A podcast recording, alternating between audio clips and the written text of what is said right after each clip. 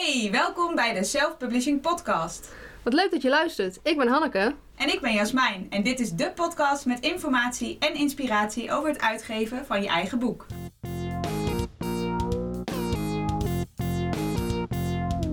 Vandaag gaan we het hebben over inclusief publiceren. Ehm, Hanneke kwam dit tegen en we zijn er helemaal eh, eh, ingedoken. Is het inclusief? Nee, niet Ja, ja. inclusief. Ja, Wel het is, inclu- inclusief ja, ja, het is inclusief publiceren. Ik wou net zeggen. Ik, hè? Ja, je gaat er bijna, je denkt wel, wat betekent het nou eigenlijk? Dat vroeg me dus ook af toen ik het tegenkwam. Wat bedoelen ze nou met inclusief publiceren? Ja, Eigenlijk komt het gewoon op neer dat je boeken en andere eh, dingen die je publiceert zo maakt dat iedereen het kan gebruiken. Dus mensen, gaat met name om mensen met een beperking. oké.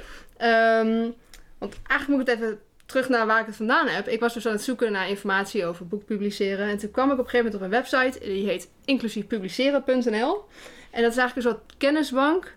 ehm, met allemaal informatie voor uitgevers en voor designers. Om eh, de werken die ze gaan uitgeven zo te maken dat iedereen het dus kan lezen. En toen ik verder lezen van ja, waarom dan? En er blijkt dus dat 2 miljoen mensen in Nederland een beperking hebben. Nou, vind beperking al een beetje negatief klinken. Misschien meer een uitdaging of zo, Ja, hoe je het wil zeggen. Bijvoorbeeld in Nederland zijn ongeveer 300.000 mensen eh, blind of slechtziend. Dus visueel beperkt. ja, Nou, daar kan je wel iets bij voorstellen. Dan kan je nou, bijvoorbeeld letters groter maken zodat mensen kunnen lezen. ja. Eh, voor, voor blinde mensen kan je natuurlijk eh, audioboeken maken. Maar er zijn ook allemaal mensen die kleurenblind zijn of ehm, de contrastproblemen hebben, dat ze niet zo goed Oh, de letters van de achtergrond kunnen onderscheiden. ja. Maar ehm, dit- ja, het zijn eigenlijk. Ik kwam erachter dat er veel meer beperkingen zijn dan ik zelf had bedacht. ja. Waarschijnlijk ook omdat je er zelf gewoon niet zo bij stilstaat. Want als ik een boek uit de kast pak of ik kijk online naar een pdf of zo, dan kan ik alles gewoon Ja. lezen. Ook al is het soms misschien lastig met Precies. En of letters. dat is ook eigenlijk wel een mooie quote stond op die website. Van eh, voor mensen die geen beperking hebben, maakt het eh, toegankelijkheid, zeg maar, dingen makkelijker. Maar Ja. voor mensen met een beperking maakt het dingen mogelijk. Ja, En dat vond ik echt wel een hele sterke quote Ja, die daarop stond. zo. Ik dacht, ja, daar heb ik eigenlijk nog helemaal niet over nagedacht. En dat is eigenlijk waar wij allebei niet echt veel mee bezig zijn. Nee. Omdat wij het zelf niet een beperking hebben. Maar het is wel iets heel moois om over na te denken als je een boek gaat uitgeven. Van hoe kunnen we dan zorgen dat ook een grotere doelgroep je boek kan lezen. ja. En wat zijn dingen die je dan bijvoorbeeld Kan doen. zou kunnen doen? Ja, nou ja dat, dat ging ik dus uitzoeken. En ze hebben een hele mooie, dus wat ik zei, kennisbank. Met allemaal verschillende boekjes. Met een soort hele handige praktische tips die je direct kan toepassen op je eigen ehm, eh, uitgaven. Ehm, maar eigenlijk waar het om gaat is, pak degene waar, waar je, die een beperking heeft, pak die eens bij de hand en vraag eens van, hey, kijk eens naar mijn Ja. document. Wat vind je hiervan? Waar loop je tegenaan? Eh verplaats je dus eigenlijk een beetje in die ander. Ja, En ga eens met, goeie. want wij doen altijd aannames. Iemand die blind is, die ziet niks. Maar misschien ziet hij wel kleuren of ziet hij juist Ja, wazig. Je weet het niet. nee, precies. Ga eens in gesprek met iemand en kijk eens of je daar eh, informatie uit kan halen om jouw boek bijvoorbeeld toegankelijk te maken voor een doelgroep zoals een visuele beperking. Ja, Dat was eigenlijk een van de tips die zo werd gegeven en eigenlijk elk boekje wat zij hadden uitgegeven. Ehm, en wat ik ook nog tegenkwam, is misschien wel heel belangrijk voor jou ook als boek eh, vormgeven, is dat het vanaf 2025 een wetgeving is dat uitgevers in ieder geval eh, boeken ook toegankelijk moeten maken voor een grotere doelgroep. Oh, dus, dus dat gaat met goed. name ook op e-books. Want Ja. e-books kan je natuurlijk aanpassen naar welke instelling je ook wil. Hij moet dan, hij moet, eh het e-book moet je letters moeten kunnen vergroten, geloof Ja. ik. ja, De, de kleur, achtergrondkleur moet kunnen aanpassen. oké. En ik geloof dat je ook het lettertype moet kunnen aanpassen. Dat dat Ja. ook eh, ja, kan, volgens mij ingesteld kan worden. lettertype en grootte kan je inderdaad al op je e-reader doen. Als die een beetje, als in ieder geval de, Ja. de e-pub goed is opgeslagen, dan Precies, ja. kun je hem inderdaad zelf wel aanpassen. Maar met kleuren wist ik inderdaad Ja, je kan de achtergrondkleur ook, eh, zeg maar eh, veranderen bij sommige e-books. Oké, Bij sommige kan dat niet. Maar dat is dus ook een van de dingen die belangrijk is. Ja. Omdat dat is het contrast voor sommige mensen is het fijner om witte letters op een zwarte achtergrond te lezen. Of andersom. Oh ja, dus dat is wel iets. Vanaf 2025 is er dus wel een wetgeving vanuit Europa daarover. Ja. Of iedereen het gaat doen is een tweede. Maar je kan er nu alvast rekening mee houden. Ja.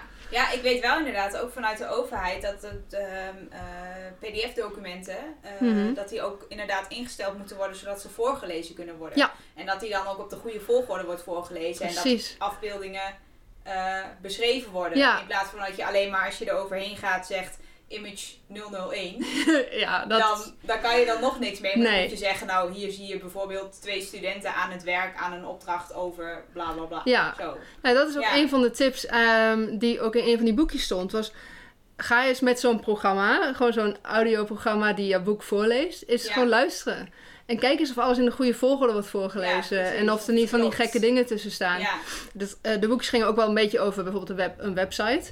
Eh, als je een boek gaat verkopen en je gebruikt daarvoor je, je eigen website, dan kan je er ook wel rekening mee houden. Niemand kan een boek kopen als je een beperking hebt. En je website is niet ingesteld voor mensen die nee, dat je überhaupt niet weet hoe je dan Nee. een boek moet kopen. Dus en ga, ga bestellen. alle Ja. stappen even langs in plaats van alleen je boek. Ja, Dat is ook nog een, eh, een hele slimme. ja, dat is En- een goeie, ja. Ehm, wat jij net zei over dat, ehm, de, eh, die audioprogramma's, dat is dus voor mensen die eh, nou, visuele beperking hebben, dan heb je een programma die leest eigenlijk de tekst voor. Ja, En die kan dan ook over linkjes heen gaan. Als dat pdf-bestanden zijn, dan moet je wel even een goede documentnaam ook aan de pdf-bestand meegeven. En niet dat je daar neerzet eh, final version eh, Nee. 3 of zo. Nee, nee, gewoon precies. even een dat goede... je nog niet weet waar het over Precies. gaat. Nee. Dat zijn echt hele logische dingen. Ja, Maar maar ik heb inderdaad, totdat jij het zei, heb ik er helemaal niet zo bewust bij stilgestaan Nee. dat dat dus zo belangrijk ja. is. Want op zich, van je boek een audioboek maken, is een vrij logische stap. Dat je denkt, Ja. oh ja, dat snap ik wel. Maar dan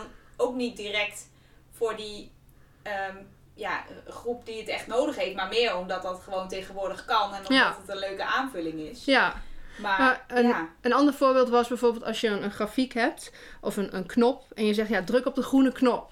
Maar Ja. als je geen kleuren kan zien of je, bent, je, je haalt ze door elkaar, ik weet niet precies hoe het werkt, eh, kleurenblindheid, maar ik kan me voorstellen dat je dan niet weet welke de groene knop is. Nee. Of als je een grafiek hebt en daar staat een groen lijntje in en je zegt ja, in de groene lijn zie je ja, Ja. welke van de lijnen is groen. klopt. En Dus er dat- zijn volgens mij veel meer mensen met, met eh, kleurenblindheid dan ik me bewust van Ja, ben. En zeker. ook die kleuren waarschijnlijk net anders zien. Dus als je niet helemaal volledig kleurenblind bent, maar dat je wel misschien kleuren door elkaar haalt. Ja, en dat schijnt dus wel heel erg volgens mij onder mannen te zijn. Ja. Dus als je een doelgroep hebt voor mannen, dan zou je erover na kunnen Ja. denken om daar wel met, met kleuren goed rekening mee te Ja. houden. Want wat je ook kan doen, in plaats van kleuren gebruiken, is dat je misschien wel, ehm, eh, als je het zo breed mogelijk zeg maar wilt eh, houden, Mhm. dan kun je natuurlijk wel ook met kleuren werken, maar ook bijvoorbeeld dat je kleuren en vormen combineert. Dat zie je ook wel eens bij spelletjes. Bij eh, Ticket to Ride bijvoorbeeld Ja. hebben ze van die kaartjes met, met, trein, met treintjes erop in allemaal kleuren. Maar er staan ook tekentjes op. Ja. Zodat als jij inderdaad de kleur niet goed kan zien, dat je in ieder geval weet welke kaartjes je waarvoor kan gebruiken. Super simpel, Ja. maar we, ja. Maar je moet er wel even ik gebruik het niet, maar degene die het nodig heeft waarschijnlijk wel. Ja. Ja. Ja. Dat zijn eigenlijk allemaal hele logische dingen. En die, die, die boekjes die ze hebben gemaakt, dat, dat staat er ook gewoon bij van... Oké, deze tip is voor bijvoorbeeld een vormgever. ja. Ehm, en dan kan je dus lezen dat het lettertype grootte, dat je daar rekening mee moet houden. Dat het niet te dicht op elkaar moet staan. Nee. Want dan gaan letters vervormen, woorden worden dan een soort propje. Ja, Dan kan je niet meer Dan lezen. Kan je niet meer eruit- eruit halen wat er Ja, staat. en ook Ja. het, het lettertype bijvoorbeeld, dat dat, dat dat belangrijk is om rekening mee te houden. Dat als je een Ja. bepaalde doelgroep hebt, dat zij het goed kunnen lezen. Dat de, de, de I en de L en de, de O en de 0, dat dat een beetje andere vormen zijn. Want anders wordt het allemaal hetzelfde. ja, En dat is denk ik wel iets waar je, jij als vormgever denkt, hè, mooie lettertypes Ja. en leuk. En je kan er helemaal in, in verdwalen. ja, maar je moet echt inderdaad met de eindgebruiker gewoon rekening houden. Ja. Dus wat is de doelgroep en wie wil het lezen? En als je een breed publiek wil aanspreken, ja, dan zul je inderdaad ook bepaalde aanpassingen moeten doen. Ja, Die waarschijnlijk niet per se negatief zijn voor hoe ze eruit ziet. nee. Want dat kan nog steeds gewoon op een goede manier. Maar dan kun Mhm. je ook inderdaad, vooral technisch denk ik, moet je dan rekening houden met dat de dingen ja, makkelijk aangepast kunnen Ja. worden. Of gewoon, eh, Ja, ja. en Want ze- je hebt ook wel speciale lettertypes voor bijvoorbeeld mensen met dyslexie. ja, dat heb ik dus gehoord. Dat Ja. was, was er iets met dikke letters en dunne Ja, letters of en zo? ook met, met de- bijvoorbeeld de P en de D en Ja. de B, dat soort letters. De, de, eh, de stokken verschillen daarin Ah. ook van lengte. Dus dat het echt nog duidelijker is ja, dat die letters verschillen, Ja, zeg maar. En ja. inderdaad dikker en dunner. En met bepaalde eh, puntjes wordt er ook gewerkt. Ik heb hem op mijn laptop staan. Ik gebruik hem eerlijk gezegd niet heel vaak. Maar hij schijnt wel echt goed te werken voor Ja. mensen met dyslexie. Nou ja, stel je hebt veel geld en je wil twee versies uit, dan zou het een, een idee zijn Ja. om een versie uit te geven die dus speciaal is voor mensen en dan eh, met een beperking, dus met dyslexie, die dan die versie kunnen kopen. Of een e-book variant daarvan, als je dat, dat, dat lettertype kan Ja. gebruiken. Dat zou ja, misschien ik weet ook... niet hoe die op een scherm werkt. Nee. Die dan hetzelfde effect heeft als dat je hem print. Maar dat zijn wel interessante dingen om over na te denken. Zeker denk als je bijvoorbeeld een jeugdboek hebt die je eigenlijk je wil een hele groep eh, aanspreken. Dan wil je ook de, de kinderen of de, de jongeren die een dyslexie hebben ook laten Zeker. lezen. En als dit, een mooie, dit is een mooie stap zeg maar om uiteindelijk van lezen te gaan houden. Ja, Dus ik, ik vond dit eigenlijk wel heel interessant. Dus ik kan iedereen aanraden om ook gewoon even naar inclusief publiceren te gaan. ja, En dat is gewoon door te gaan lezen. Ik- je kan er eigenlijk alleen maar wat van leren. ja. En het, het, ehm, het grappige is, want jij zei net van, ik heb er nooit over nagedacht. Ik heb dus een studie gedaan waarbij we op een gegeven moment een opdracht kregen dat wij moesten een app gaan ontwikkelen voor ehm, aan de ene kant eh, mensen die blind waren, Mhm. maar ook voor mensen met autisme. En bij autisme is het een beetje zo wat, wat ik ervan heb onthouden. Dus dat zij niet zo goed om kunnen gaan met heel veel vragen in één keer. Nee. Dus wij moesten dus een app ontwikkelen die per keer een vraag stelde. Het ging over een app die, eh, waar je treinkaartjes mee kon kopen. Mhm. En dan zie je vaak een heel scherm. Ja, En allemaal moet je opties. allemaal keuzes maken. Moet je allemaal Ja. keuzes maken. Ja, die mensen werden helemaal gek. Want Ja. we gingen dus ook echt in gesprek met iemand met autisme. Oh, bijzonder, ja. En het was heel interessant. Hij was best wel ehm, intelligent. Hij, kon, hij wist alles van de verkiezingen in Amerika. Ja. Maar een treinkaartje kopen was moeilijk voor hem. Dus dat is dan ook heel lastig om in te beelden. Dus Ja. hij ging het helemaal vertellen. En dan ga je pas nadenken oh ja, dat is ook best als je het scherm ziet, dan word je gek. ja. Dus we hebben helemaal eh, een ontwerp gemaakt waarbij elke vraag, ja, wat wil je? Wil je met de trein vandaag? Ja. Ehm, waar wil je naartoe? En dan kon hij dat intikken. En dan ja. eh, wil je eh, ook weer terug? En dan kon hij ja intikken of nee intikken. Dus op die manier hebben we dus een soort van app ontworpen voor iemand met autisme. ja. En voor iemand die blind is, wil je eigenlijk ook per stuk een vraag stellen. En dan kon die volgens mij eh, shaken om ja te zeggen of zo. Of Oh een ja. dubbel tap om Ja. nee te doen, zoiets. We hadden dan meer op die manier, zeg maar, Mhm. dingen bedacht. Ja. Maar dan pas ga je erover Ja, nadenken. precies. Als je ermee geconfronteerd wordt of je moet inderdaad een opdracht doen of, of Ja. je kent iemand die, Ja. die iets heeft, dan, dan- pas word je je er bewust van. En dan die aannames die je van tevoren doet, Ja. die blijken dus achteraf helemaal niet waar te zijn. precies. Want je weet helemaal niet Nee, waar het zeg maar misgaat bij Precies. diegene. Want voor hetzelfde geld had je nog steeds gedacht, oh, veel informatie. Ja. Daar- sta je niet eens bij stil dat het veel informatie is op zo'n website. nee. Nee. Dus dat is wel heel interessant om dus echt gewoon met zo'n persoon aan, ja, eigenlijk aan de slag te gaan. Gewoon, Ja. Laat hem zien wat je hebt gemaakt en zeg, oké, geef maar je feedback. Waar loop je Ja. tegenaan? Precies. Wat krijg je wel de beter, eerlijkste antwoorden. Ja. Dus dat, eh, dat wil ik nog even meegeven. Om, eh, om toch gewoon echt te doen. Ja. En ik denk dat dat wel een beetje is wat we, wat we hieruit hebben gehaald. Ja. Ja. of ga zelf testen. En dat was dus ook, ga, ga een audio, audioprogramma eh, downloaden. Ga eens jouw eh, boek of je je e-book of je andere publicaties die je maakt op je website of zo. Laat het eens voorlezen. Ja. Wat hoor je dan? En Precies. doe anders je ogen eens dicht. En ja, kijk eens of om je kan... eens even te controleren Ja. inderdaad of het logische stappen zijn en waar je heen moet en heen kan. En, En eh, eh, gooi je muis eens weg en ga eens met de, met de toetsen proberen. Want er zijn ook mensen die bijvoorbeeld geen muis kunnen bedienen. Nee, en die doen alles met toetsen. Ga eens kijken of je op die manier door de website heen kan. En is dat wel logisch. Of, op, of je e-book. Ja.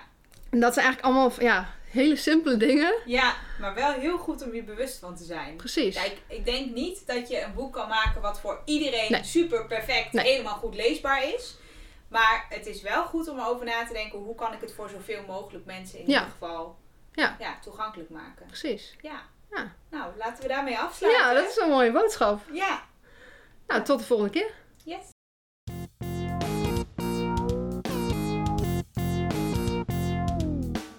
Dankjewel voor het luisteren. We hopen dat je wat van hebt geleerd. Eh, alle linkjes staan in onze show notes. Dus kijk daar vooral eventjes voor alle downloads en alle socials. En dan kan je ons volgen op Spotify of Apple Podcast. Waar je dan ook je podcast luistert. En dan mis je geen aflevering. Heb je nog vragen naar aanleiding van onze podcast? Of wil je andere dingen weten over boeken maken en uitgeven? Ehm, stuur ons dan vooral een berichtje en dan zullen we je vragen meenemen in de volgende podcast.